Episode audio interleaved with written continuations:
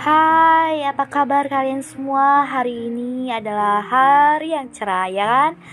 Hari ini adalah podcast pertama aku dan aku yang bernama R yang berjudul catatan harian dalam waktunya bicara.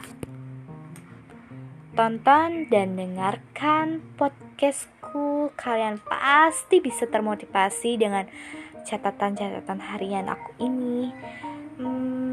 Pasti seru. Ada keceriaan, ada kesedihan, dan lain-lain. Semoga kalian yang mendengarkannya terhibur selalu. Oke, tonton terus dan tunggu episode pertama aku ya. Dah.